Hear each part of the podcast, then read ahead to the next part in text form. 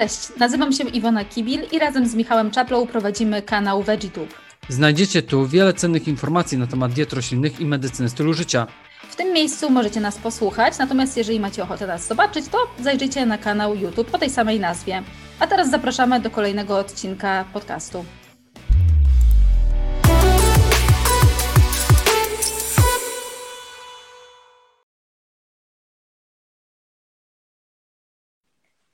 Halo, halo, dzień dobry. dzień dobry panie profesorze. Udało się, jesteśmy na wizji, na fonie, widać, słychać, także możemy zaczynać.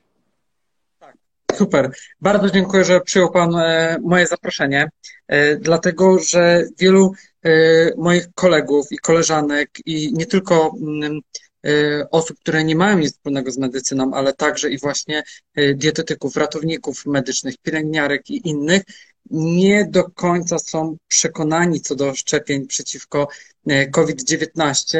Sam pan profesor dobrze wie, dlatego że prowadził pan pewnie chyba setny live na ten temat, e, jak dużo bzdurnych informacji można znaleźć e, w internecie.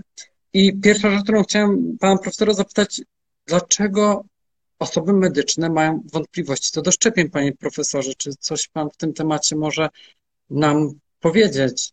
No, panie Michale, to jest pewnie pytanie do socjologów, psychologów, e, nie wiem, innych zawodów, e, dlaczego niektóre nasze koleżanki i koledzy mają wątpliwości, ale ja myślę, że tych wątpliwości mają coraz mniej.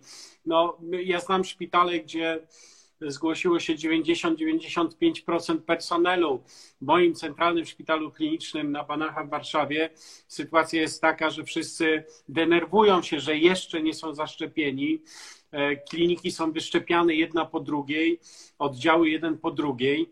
E, dostajemy jakąś liczbę szczepionek, e, która nie pokrywa wszystkich chętnych, ale mamy nadzieję, że no, za jakiś czas to pokryje, bo już za nami chuchają nam na plecy studenci, którzy od poniedziałku będą szczepieni. Ja wiem, że we Wrocławiu to o wiele lepiej przebiega i tam. Wrocławiu już są akurat już... personel Uniwersytetu Medycznego we Wrocławiu już także od poniedziałku był E, szczepiony.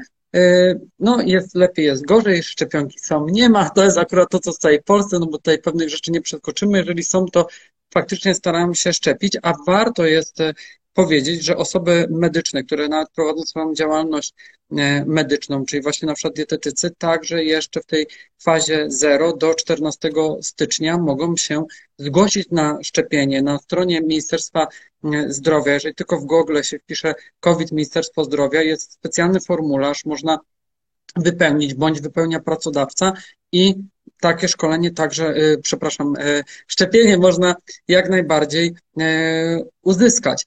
Ale pojawiło się trochę pytań i mnie tutaj też znajomi mm, wysyłali mi, jak e, podałem informację, że będę prowadził live'a z panem profesorem e, i na przykład no, mm, takie nawet wśród osób medycznych, dlatego że no nie każdy się tak zna na badaniach naukowych, e, pierwsza rzecz, jaka nawet nie zwraca uwagi to, że szybko została ta szczepionka zrobiona, aczkolwiek to też, ale tych powikłań długoterminowych. I czy coś w tym temacie by mógł pan profesor nam opowiedzieć, no, ja, ja jak myślę, to przebiegło, ciągle, bo to ciągle... wiem, że to ciężko powiedzieć przez chwilę, jak takie duże badanie przebiegało, ale...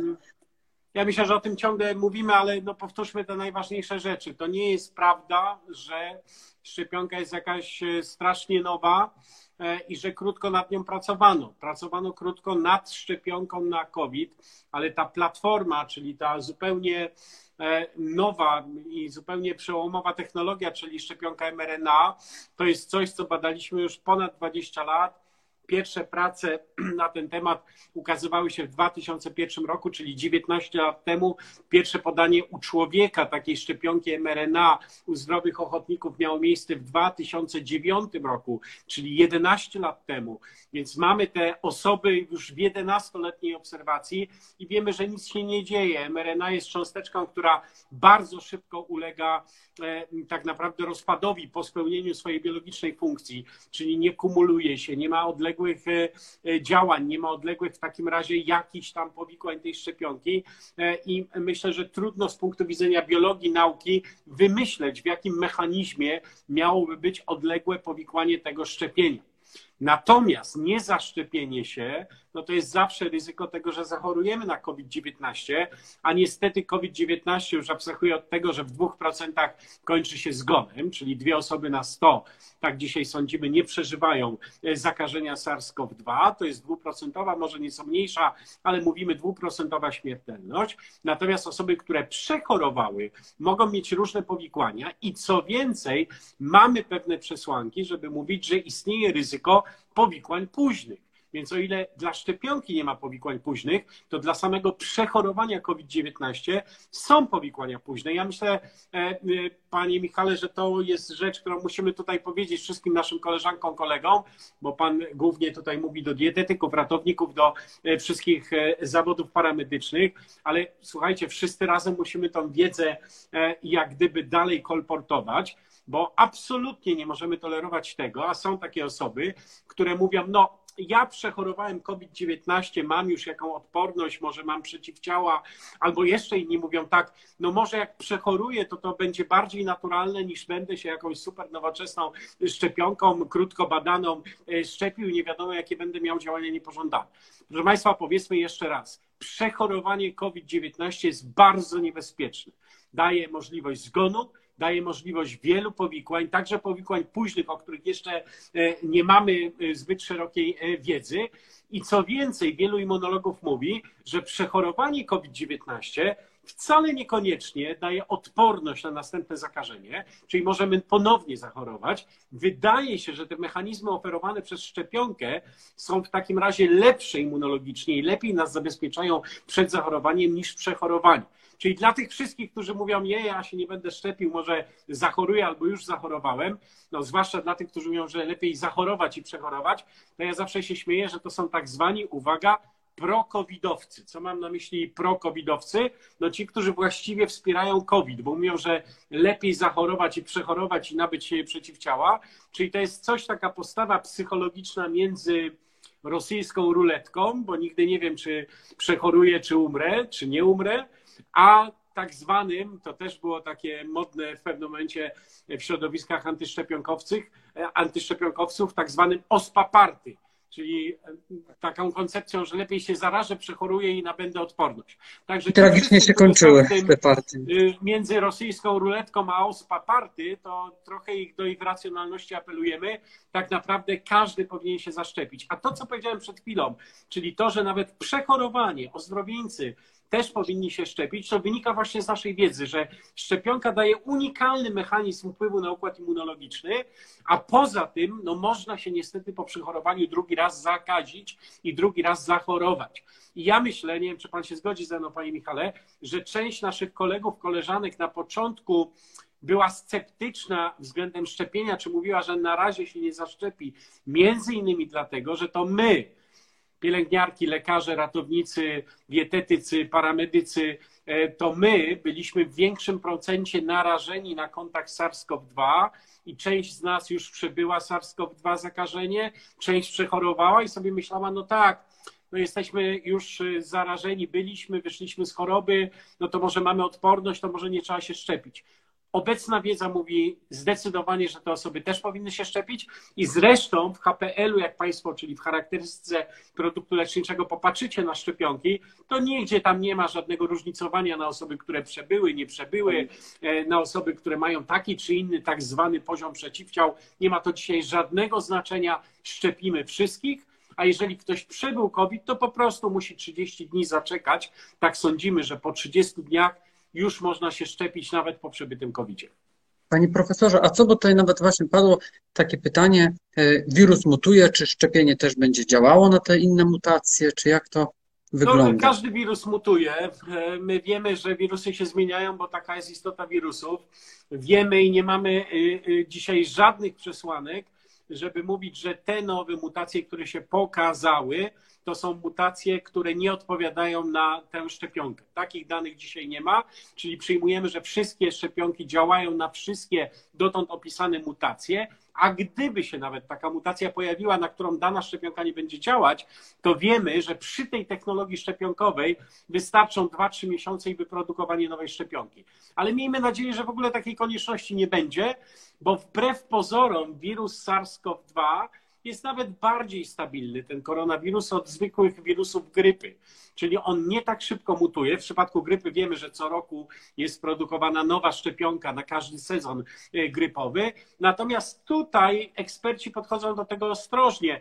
My wiemy, że pojawiają się szczepy, jak chociażby ten brytyjski, który po prostu nie jest tyle bardziej zjadliwy, czyli nie wywołuje większej, większego ryzyka niewydolności oddechowej czy większego ryzyka zgonu, natomiast wywołuje większą zakaźność czyli niestety powoduje, że coraz więcej osób się zakaża i to, co widzimy w Wielkiej Brytanii, e, to dzisiaj jest przeładowanie szpitali nie dlatego, że jest super groźna mutacja, tylko ona jest groźna dlatego, że zwiększa zakaźność, czyli więcej osób się tak naprawdę zakaża, czyli procentowo więcej wyląduje w szpitalu, czyli procentowo więcej wymagać będzie na przykład tlenoterapii, czyli przeciąży to system ochrony zdrowia. Ale jakiejś mutacji, która byłaby szczególnie groźna, na którą by nie działała szczepionka, takowej nie opisano jak na razie. Panie profesorze, a co w przypadku, jeżeli ktoś bezobjawowo przechodzi COVID i w tym momencie się szczepi, by zaszczepił?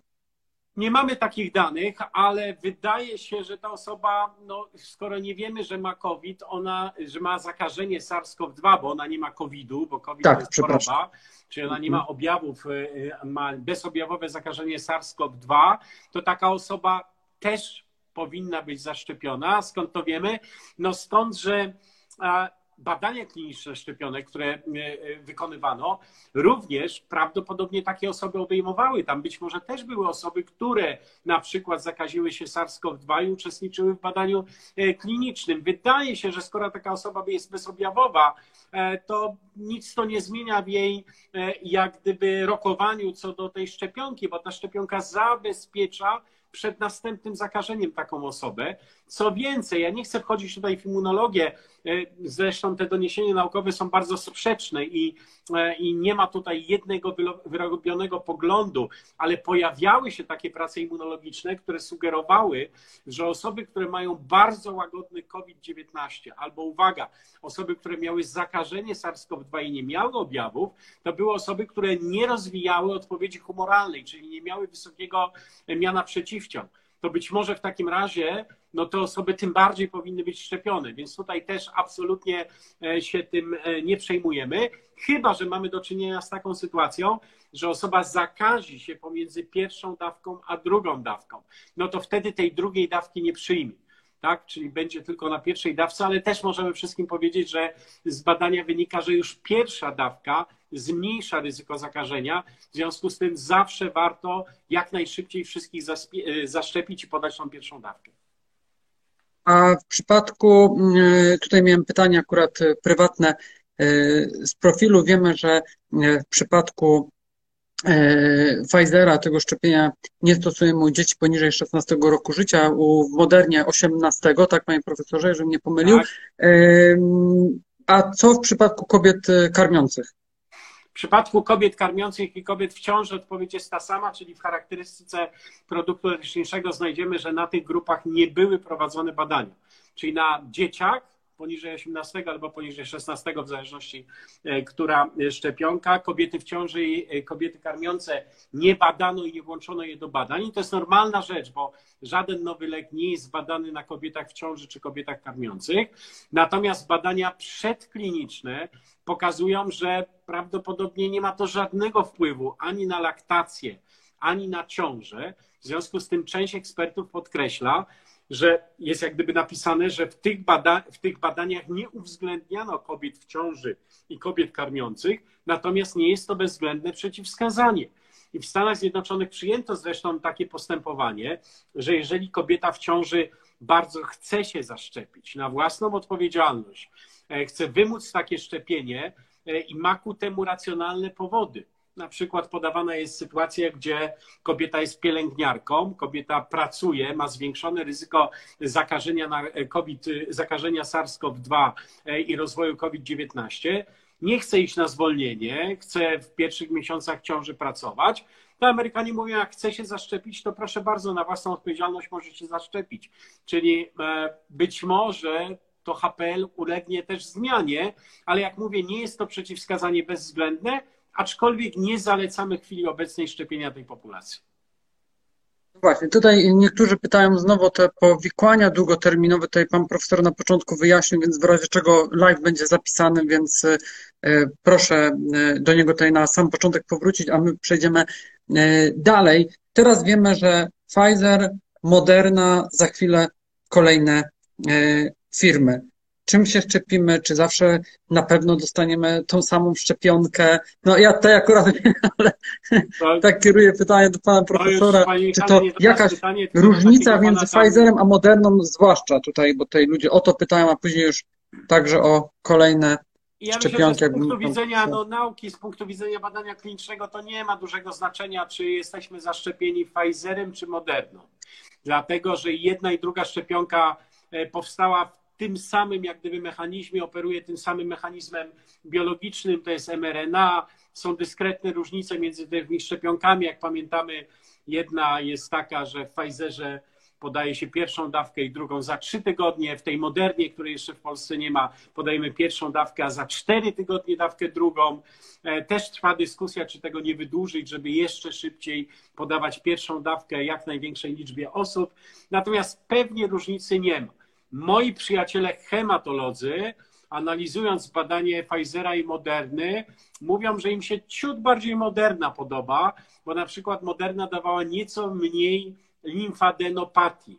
To jest takie też no, działanie niepożądane, czyli powiększenie węzłów chłonnych e, gdzieś tam e, obok miejsca podania, z reguły kilkudniowe to od razu mija, e, ale tego było nieco mniej w przypadku Moderny niż Pfizera.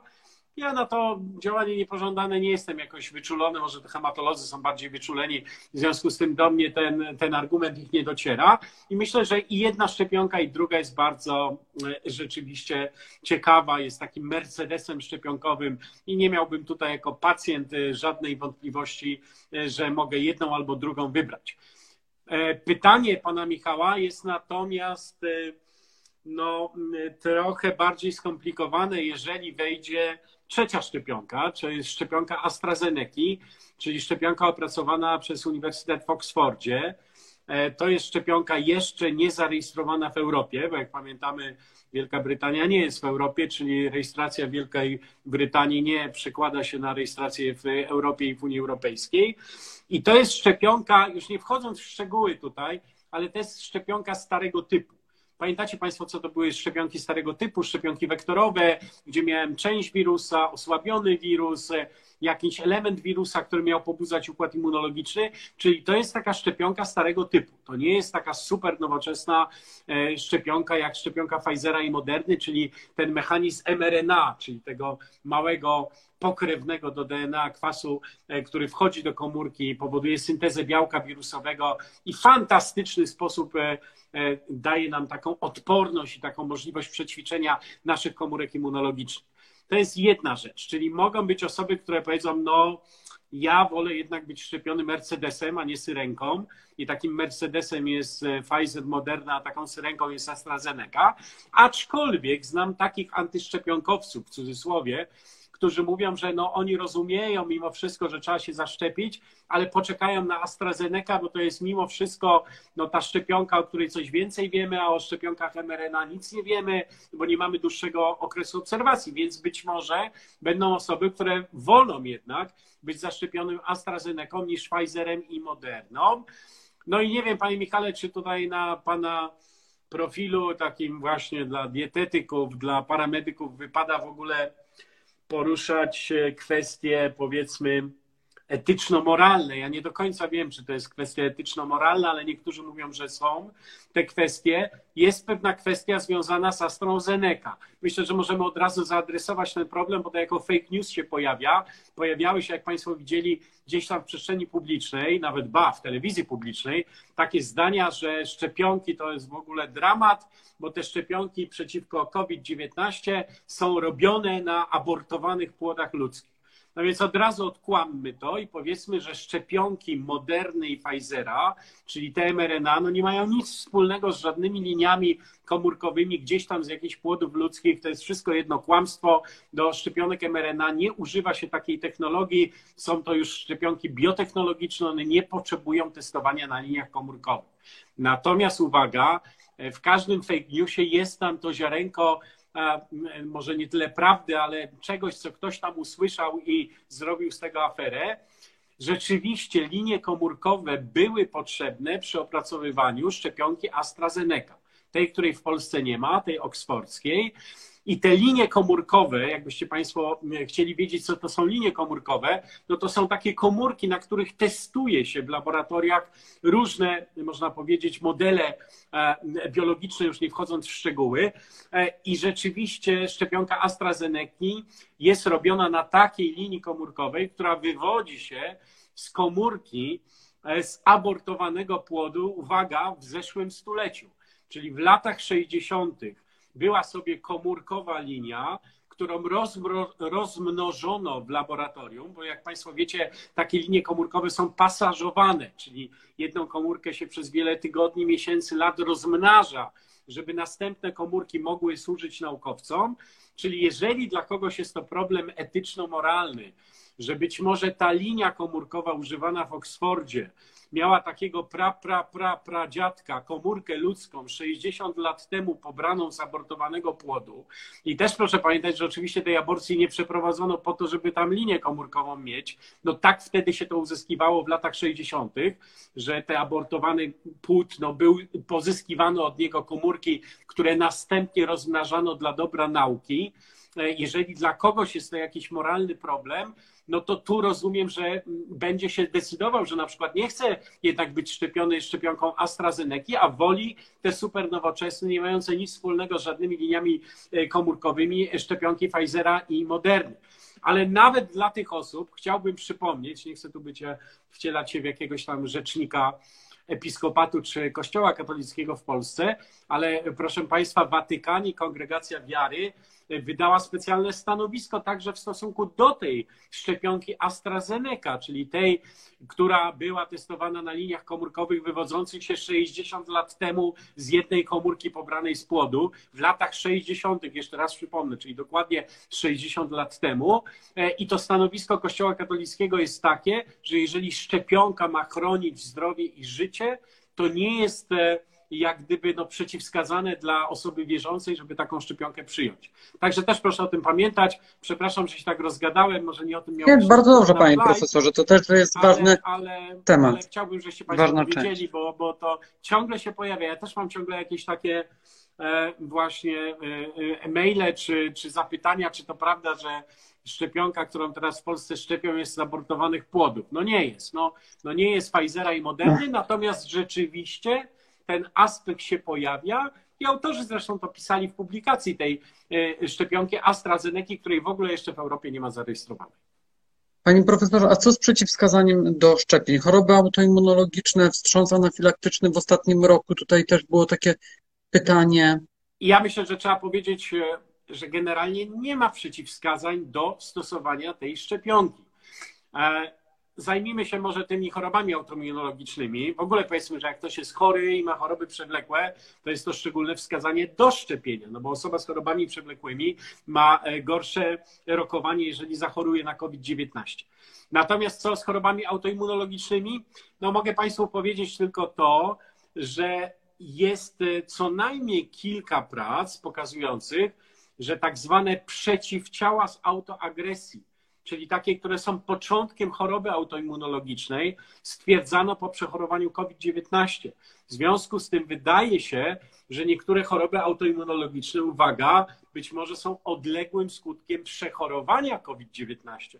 Czyli znowu jest to samo, co przed chwilą mówiliśmy, że bardziej niebezpieczne pod względem ryzyka chorób autoimmunologicznych jest przechorowanie COVID-19 niż ta szczepionka. No trudno sobie wyobrazić, jak szczepionka która tak krótko trwa, że jak Państwo widzicie, ona się tak szybko rozpada, że nawet ją trzeba w temperaturze minus 70 przechowywać i, i dostarczać nie wiem, czy Państwo wiecie, ale trzeba ją przechowywać w tej niskiej temperaturze, dlatego że mRNA jest tak niestabilny. On po podaniu e, w szczepionce, on ma natychmiast wniknąć do komórki, spełnić swoją rolę i się natychmiast rozpada w temperaturze naszego ciała. W związku z tym to nie ma żadnego tutaj e, ryzyka. O wstrząsie anafilaktycznym też wielokrotnie mówiliśmy. Wstrząs anafilaktyczny jest oczywiście bardzo e, groźnym powikłaniem, można od niego zginąć, trudno przewidzieć, kto wpadnie we wstrząs, no ale po to właśnie szczepimy w przychodniach, w szpitalach, e, po to każdy jest obserwowany przez pierwsze 15 minut po szczepieniu, żeby ewentualnie taki wstrząs anafilaktyczny umieć leczyć, a my umiemy leczyć wstrząs anafilaktyczny, podaje się zestaw przeciwwstrząsowy, podaje się adrenalinę, glikokortykosteroidy, no i tak naprawdę umiemy, oczywiście każdy ratownik, każdy e, paramedyk umie pewnie wyprowadzić chorego ze wstrząsu anafilaktycznego, jak ma pod ręką adrenalinę czy zestaw przeciwwstrząsowy inny. E, chciałem powiedzieć, że te doświadczenia, które dzisiaj mamy, mówią, że prawdopodobnie po szczepionkach, po tych dwóch, zwłaszcza po Modernie i Pfizerze, możemy się spodziewać dwóch wstrząsów anafilaktycznych na każdy milion osób zaszczepionych. To tylko przypomnijmy, jako medycy, jako lekarze, pielęgniarze, że najpopularniejszy antybiotyk penicylina daje jeden wstrząs anafilaktyczny na 10 tysięcy pobrań. Czyli jakbyśmy teraz szybko to przeliczyli, to mniej więcej 200 razy bezpieczniejsze jest przyjęcie szczepionki niż zażycie antybiotyku penicyliny. No i tyle na ten temat.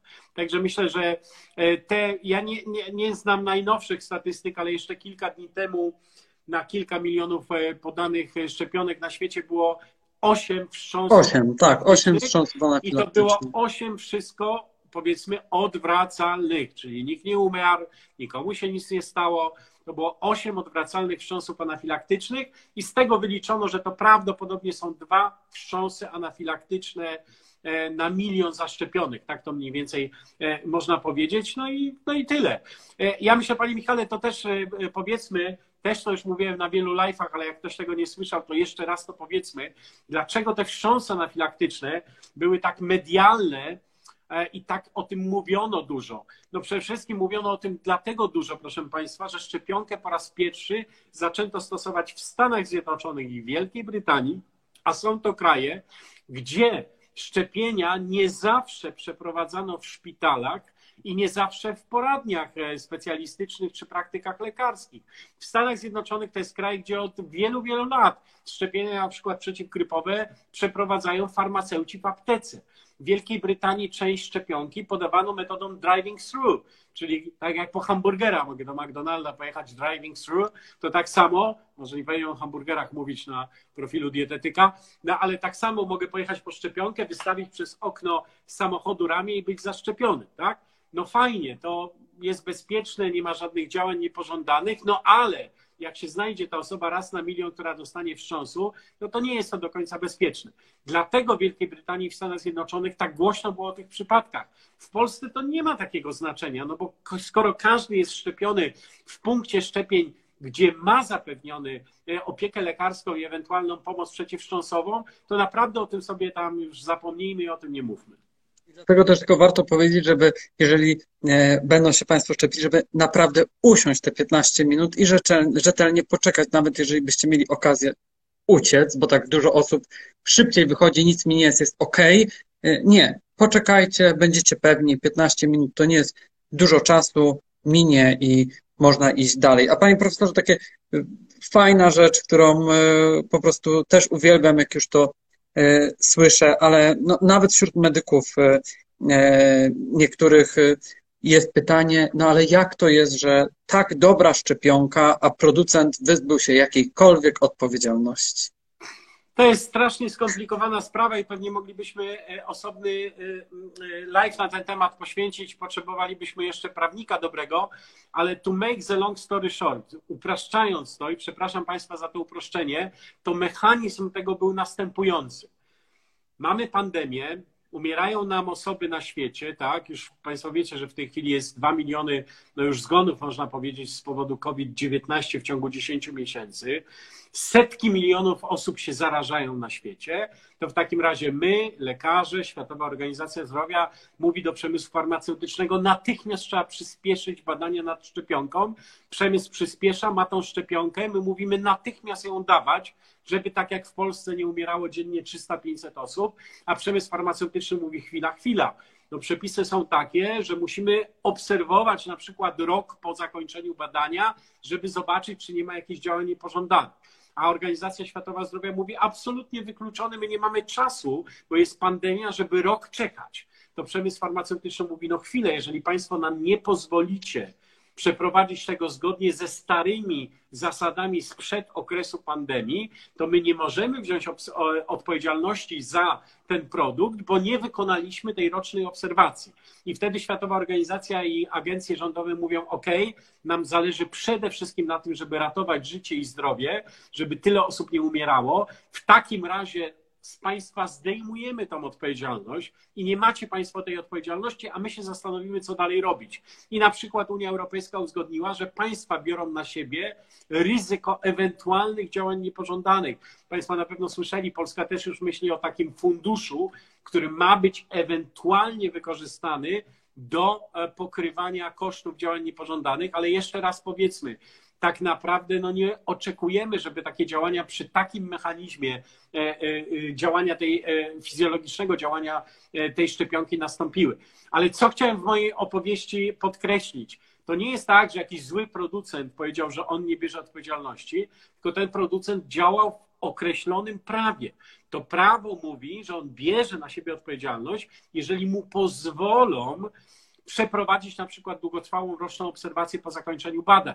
A to lekarze, to rządy krajów, to Światowa Organizacja Zdrowia mówiła: nie, nie, nie, nie. My nie chcemy tej przedłużonej obserwacji, bo jakbyśmy rok jeszcze czekali, to umrze następne dwa miliony osób. I my, ważąc, co jest ważniejsze, czy tak naprawdę jest śmierć tych dwóch milionów osób następnych, czy to, że będziemy w stu procentach pewni przez rok obserwując szczepionkę, uznaliśmy wszyscy na świecie, że ważniejsze jest to, żeby ludzie nie umierali. To chyba myślę, że jest logiczne, proste, więc to nie jest tak, że jest jakiś pazerny koncern farmaceutyczny, który od początku mówił, że nie wyda tej szczepionki, jeżeli nie zwolnią go z odpowiedzialności, tylko było to zastane prawo, które zostało tak zinterpretowane i to był pewien, nie chcę użyć słowa deal, ale taka umowa między producentami, Światową Organizacją Zdrowia i rządami krajów, które troszczą się o życie i zdrowie swoich obywateli. Dokładnie. A tutaj pytania mm, takie padają, czy na przykład u kogo może ta odporność się nie wytworzyć po szczepieniu, czy są jakieś takie badania, które o tym mówią, albo kto właśnie nie zostało odpornione wśród tych 5 czy 6% osób z tych badań? Nie, nie, nie, mamy takich, e, nie mamy takich badań, bo ja rozumiem, że, że pan doktor Michał nam tutaj nas pyta o te 5% osób, które zachorowały na przykład, tak? Pomimo tak, podania. Tak, na przykład. Tak, bo tutaj właśnie czytam te pytania, które są. Jest 95% redukcja ryzyka, no ale tam kilka osób, e, czy kilkanaście jednak zachorowało mimo podania szczepionki. E, trudno po analizie tak małego grona osób wyciągać jakieś wnioski naukowe. To jest e, znane w nauce, że takie no, małe grupy nie dają możliwości wyciągnięcia takich wniosków, ale rzeczywiście taką wiedzę nabyliśmy z innych szczepień i innych szczepionek. I wiemy, że te osoby, które możemy podejrzewać o to, że e, nie rozwiną takiej odporności to są osoby rzeczywiście, które mają problemy z układem immunologicznym. I stąd na pytanie, czy na przykład szczepić osoby, które są na leczeniu immunosupresyjnym, na ciężkiej chemioterapii, które są zakażone HIV, które mają jakiś problem z układem immunologicznym, to my oczywiście odpowiadamy tak, te osoby też trzeba szczepić, ale istnieje ryzyko, że skuteczność szczepionki w tych grupach będzie nieco mniejsza. Tak to dzisiaj wygląda i tak to trzeba uczciwie powiedzieć. Czyli ktoś, kto ma jakiś problem z układem immunologicznym, może się okazać, że ta osoba będzie miała mniejszą e, skuteczność e, tej szczepionki. Tutaj jeszcze pani, bo powtarza to pytanie. 73 e, lata, cukrzyca drugiego stopnia, żylaki, operacja, po ablacji serca i tym podobne. Czy też się szczepić mimo Każda z wielu tych chorób. patologii, którą ta pani wymienia, jest dodatkowym wskazaniem do tego, żeby się jak najszybciej zaszczepić i zresztą niektóre kraje przyjmują takie algorytmy, że niekoniecznie jest to tak, jak my przyjęliśmy, że przede wszystkim patrzymy na wieki i szczepimy seniorów, tylko tam biorą pod uwagę również choroby współistniejące i te osoby, które mają choroby współistniejące, mają, e, no, e, są, przechodzą w tych grupach ryzyka trochę wyżej, czyli w tym kalkulatorze, kiedy mogę się zaszczepić, one są trochę mm, e, wyżej ustawiane priorytetowo. Ale w każdym kraju nieco inaczej to zbudowano ten algorytm.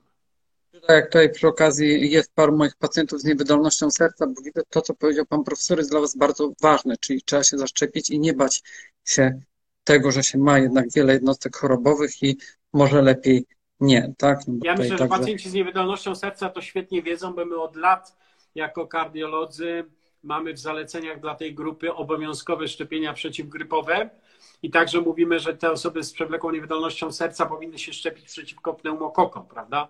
Czyli tak naprawdę one też powinny wiedzieć, że tam szczepionki w tej chorobie są niezwykle ważne. Tak, tutaj też o białaczkę akurat limfocytową ktoś pyta. Ale tu też już pan profesor odpowiedział. Są pytania o to, że ktoś przebył wstrząs anafilaktyczny. Wiecie państwo, ze wstrząsem anafilaktycznym jest tak, że no, nie chcę tutaj deprecjonować tej informacji, ale bardzo często jest tak, że pacjent mówi, a miałem wstrząs anafilaktyczny, ale my nie mamy do końca dowodu, czy to był rzeczywiście wstrząs anafilaktyczny, czy to była jakaś e, ostra reakcja e, alergiczna, ale generalnie, tak jak powiedziałem, a jeżeli był to udokumentowany wstrząs anafilaktyczny, to trzeba się zastanowić, czy szczepimy się, czy nie. Ale nawet są już e, takie opinie ekspertów, którzy mówią, że nawet osoba z przebytym wstrząsem anafilaktycznym, jeżeli no nie chce zachorować na COVID-19, to na własną prośbę powinna być zaszczepiona, ale w szczególnie można powiedzieć, ostrożnych warunkach, czyli trzeba poinformować zespół e, szczepiący, że się miało takie, e, takie zdarzenie. Być może ta osoba powinna być pod szczególną opieką, może nie powinna 15 minut, tak jak pan Michał mówił, zostać, ale powinna, nie wiem, pół godziny posiedzieć w tej placówce, gdzie była zaszczepiona i tak dalej, i tak dalej. E, w związku z tym, no, generalnie nie odmawiamy tego szczepienia nikomu, bo generalnie chodzi o to, żeby jak najwięcej osób się zaszczepiło. Zwłaszcza tutaj chcę podkreślić, że tymi wstrząsami anafilaktycznymi przecież jest tak, że to naprawdę można czy po orzechach dostać tego wstrząsu, czy po jakichś antybiotykach innych, nie tylko tych, które docelowo mają, mm, akurat tak jak pan profesor tutaj dał na przykładzie na przykład penicyliny, e, gdzie jest jednak więcej tych przypadków, więc e, no, dlatego tutaj ta obserwacja, jeszcze raz obserwacja, I tutaj jeszcze mm, jest takie ciekawe pytanie, dlatego że tutaj ktoś napisał, że jego znajomi wierzą e, w bezpłodność po szczepieniu. I czy coś w tym temacie no, jest wiadomo? Nie mamy żadnych przesłanek naukowych, żeby mówić, że e, tak naprawdę szczepionki mogą być w jakiś sposób związane z mechanizmem wytworzenia bezpłodności. Znowu, absolutnie nie mamy takich dowodów, trudno sobie to wyobrazić. A użyłbym tego samego argumentu, że jest natomiast kilka prac pokazujących, że ciężko przebyty COVID-19 może dawać bezpłodność mężczyzn. E, dlaczego mężczyzn? To w Azji Południowo-Wschodniej było szczególnie podkreślane, dlatego że jak Państwo pamiętacie, wirus wnika do komórek przez tak zwany receptor ACE2. Ten receptor jest i na makrofagach płucnych, i na komórkach mięśnia sercowego, ale również, uwaga, jest bardzo bogato reprezentowany w jądrach męskich. No i też się zastanawiano nad tym, czy w takim razie przebycie COVID-19 nie da po roku na przykład zmniejszenia płodności. Na to pytanie nie umiemy odpowiedzieć, bo przypomnę, że pandemia się de facto zaczęła w marcu 2020 roku, czyli dopiero w marcu 2021, za kilka miesięcy, będziemy mieli pierwsze roczne obserwacje pacjentów. Być może takie prace się pojawią, ale już się pojawiały, mówiące o tym, że istnieje ryzyko bezpłodności po ciężko przebytym COVID-19. Tutaj jeszcze ja na koniec chciałem powiedzieć, bo tutaj dużo ludzi pyta o temperaturę, inne rzeczy. Słuchajcie, każdy z Państwa, kto będzie podchodził do szczepienia, będzie kwalifikowany przez lekarza i jeżeli będzie miał tylko jakiekolwiek wątpliwości i tym podobne, to także może je zgłosić i jeżeli lekarz uzna, że jakiś z tych dolegliwości, nie wiem, właśnie temperatura, powiększone węzły chłonne czy inne uzna, że Was dyskwalifikuje, to to powie i powie w jakim terminie Państwo mogą ponownie się e, zgłosić. Więc tutaj się o to proszę e, nie martwić. Panie profesorze, bardzo dziękuję za przyjemny wieczór. Myślę, że bardzo dużo cennych informacji pan profesor nam e, przekazał i odpowiedzieliśmy Michale, na to, bardzo to dużo pytań. Spróbujmy, spróbujmy pana spytać o coś na koniec, bo to pana profil, pan jest dietetykiem. Co pan sądzi o suplementacji u chorego, który ma lekkie objawy COVID-19? E, jak pan sądzi, czy jakieś elementy e, diety czy suplementów mogły być, być tutaj u niego istotne?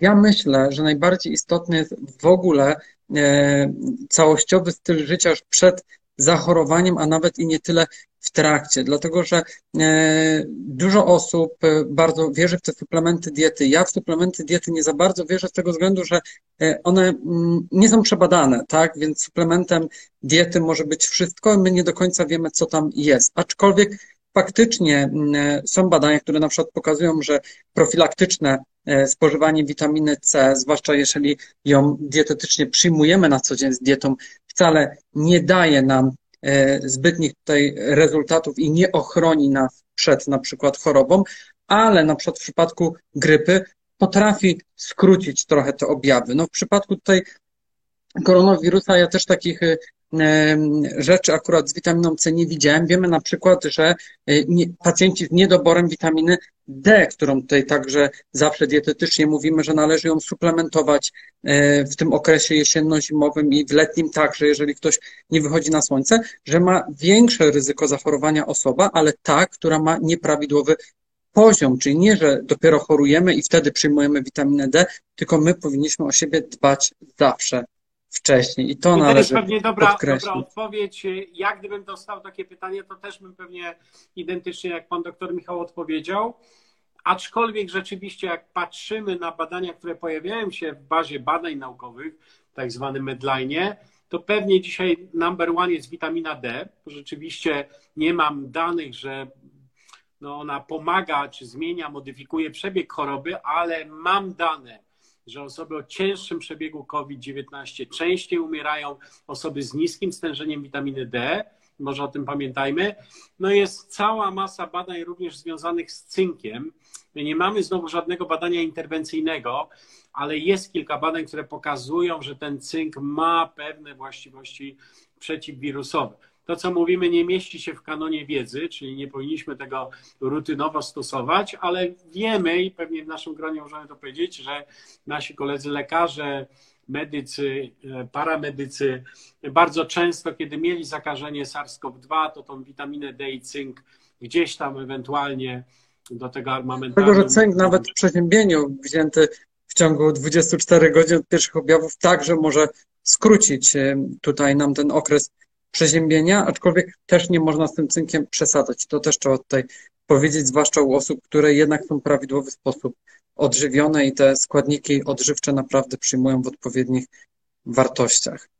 Oj, ostatnie pytanie, które się pojawiło, bardzo ważne, o tym nie mówiliśmy. Czy warto jeszcze szczepić się na grypę? To też zamknijmy tym pytaniem i odpowiedzią. Tak, warto się szczepić. Jak Państwo się pytacie, kiedy, zasada jest taka, że powinny te dwa szczepienia być oddzielone dwoma tygodniami. Czyli jak Państwo widzicie, że nie załapiecie się w kolejkę na szczepienie COVID w ciągu najbliższych dwóch tygodni, to można się zaszczepić na grypę i po dwóch tygodniach pewnie kolejka dojdzie na szczepienie przeciw COVID, czego Państwu wszystkim życzę. Ja także życzę dużo zdrowia i jeszcze raz dziękuję Panie Profesorze. Dziękuję bardzo. A live będzie zapisany. E, tutaj dużo pytań się powtarzało. Zachęcam do obejrzenia i jeszcze raz życzymy miłego wieczoru. Dziękuję bardzo. Do widzenia. Dziękuję.